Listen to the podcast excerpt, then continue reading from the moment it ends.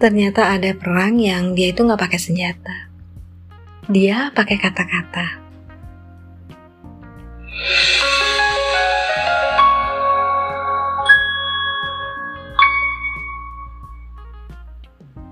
Muslimah Cinta Syariah Podcast Assalamualaikum warahmatullahi wabarakatuh Bagaimana kabar sahabat muslimah? Semoga selalu sehat, selalu bahagia dan dalam lindungan Allah Subhanahu wa taala.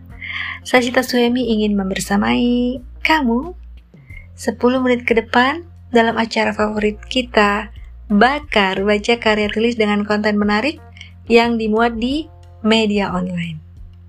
Kali ini, judul tulisan yang akan kita baca Perang Istilah. Dimuat di muslimanews.com pada tanggal 9 November 2020, tulisan Ustadz Usman Zaid Zidani. Sahabat muslimah, kamu pasti tahu bagaimana bahayanya peperangan antara Islam dan kufur dengan menggunakan senjata. Padahal musuh-musuh Islam tidak pernah melewatkan satupun kesempatan yang dapat mereka gunakan untuk menyerang Islam dan kaum Muslim. Setiap ada celah, pasti mereka masuki. Untuk apa?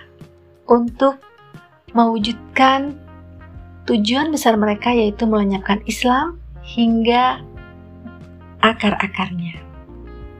Sahabat muslimah, perang istilah atau Harb al-Mustalahat merupakan perang dengan suatu agenda besar, yaitu menimpakan bahaya dan kehancuran pemikiran dan politik kepada lawan.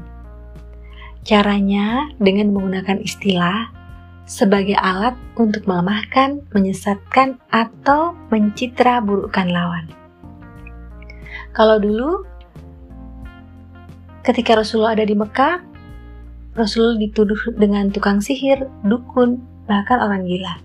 Dan ketika di Madinah, orang Yahudi mengolok-olok umat Islam ya ketika mereka menjawab ro'ina sehingga Allah menurunkan surat Al-Baqarah ayat 104 yang meminta umat Islam mengganti ya dengan unzurna ya ketika berkata kepada Nabi Muhammad.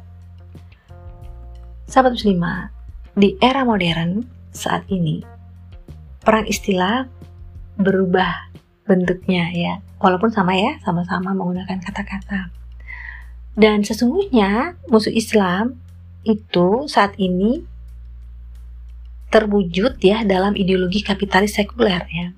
Dan pengembannya siapa lagi ya? Yaitu negara-negara barat. Mereka melihat bahwa sumber kekuatan kaum muslim itu ada di pemikirannya. Karena itu mereka merasakan bahwa perang istilah itu adalah sesuatu yang sangat penting ya. Merupakan bagian dari perang ideologi mereka. Kita bisa lihat ada beberapa metode yang mereka lakukan ya. Di antaranya yang pertama mendistorsi istilah ya.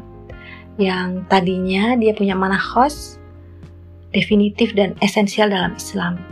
Mereka buruk-burukan istilahnya dan mereka ganti dengan istilah yang mereka kehendaki. Misalnya jihad ya, mereka gambarkan seolah-olah jihad itu sesuatu yang menakutkan, barbar, dan berkaitan dengan terorisme.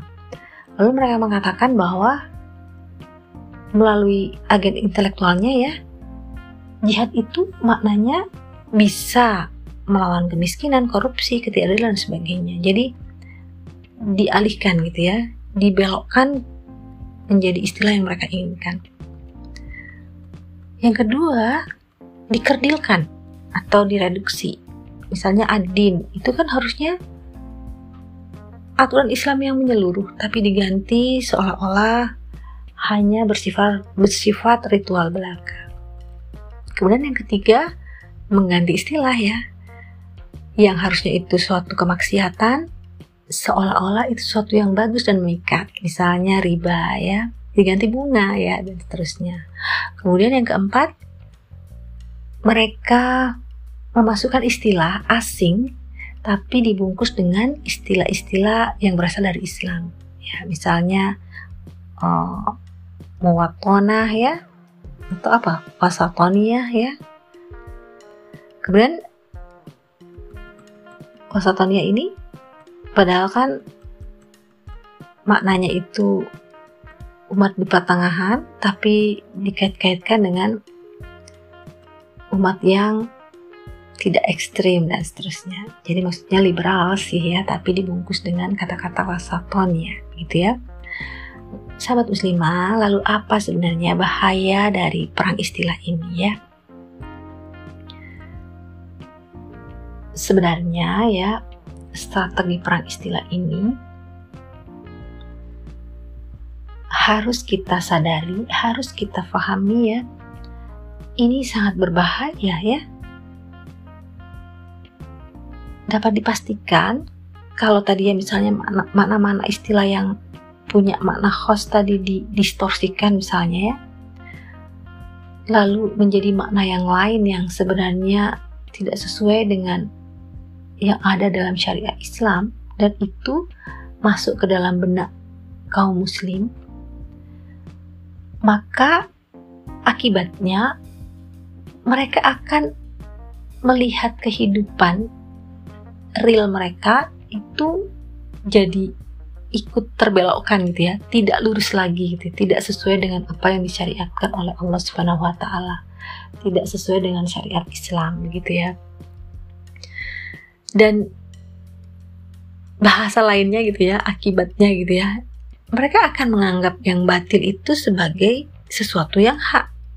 Dan sebaliknya, ketika ada yang hak atau kebenaran, mereka justru anggap itu sebagai sesuatu yang batil.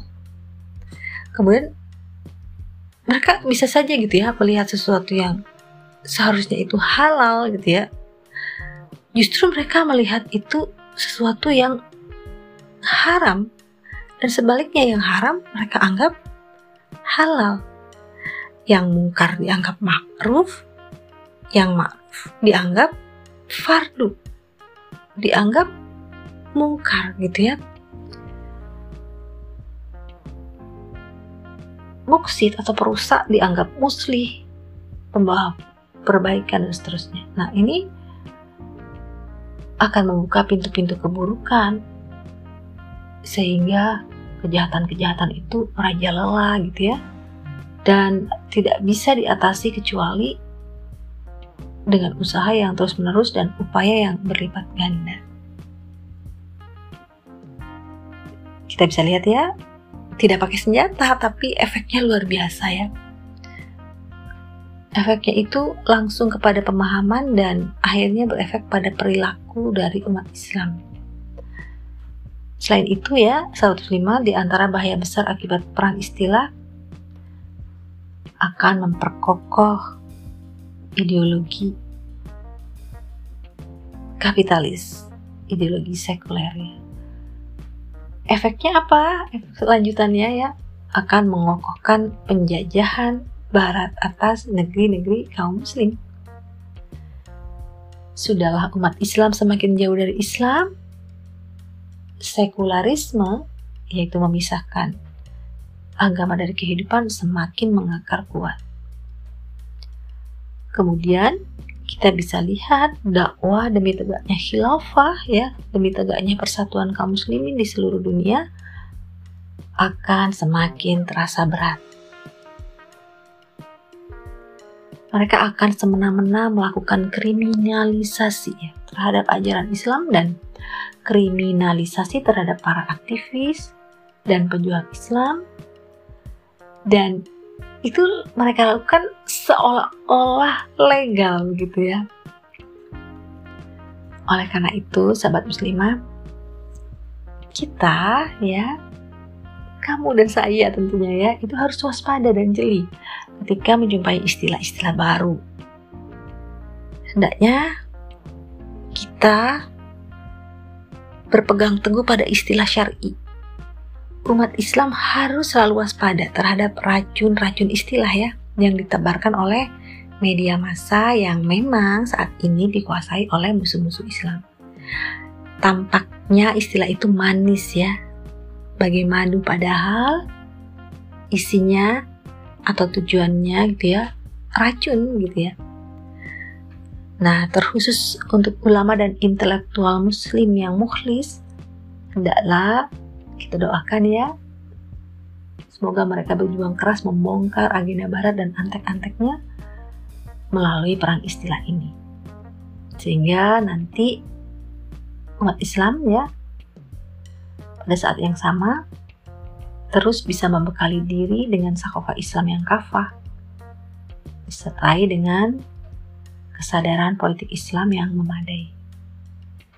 Begitu, sahabat muslimah, tulisan yang kali ini kita baca walaupun agak berat ya, semoga kita bisa mengambil ibro bahwa perang istilah itu sama bahayanya gitu ya dengan perang secara fisik, perang dengan senjata ya. Dan bahayanya lagi itu nggak kelihatan gitu ya. Seolah-olah damai-damai saja gitu ya, padahal mereka terus ya setiap detik itu memberondong kita dengan peluru-peluru pemikiran yang mereka siapkan. Mungkin itu saja acara kita kali ini. Insya Allah kita bertemu kembali dalam waktu yang lain. Assalamualaikum warahmatullahi wabarakatuh.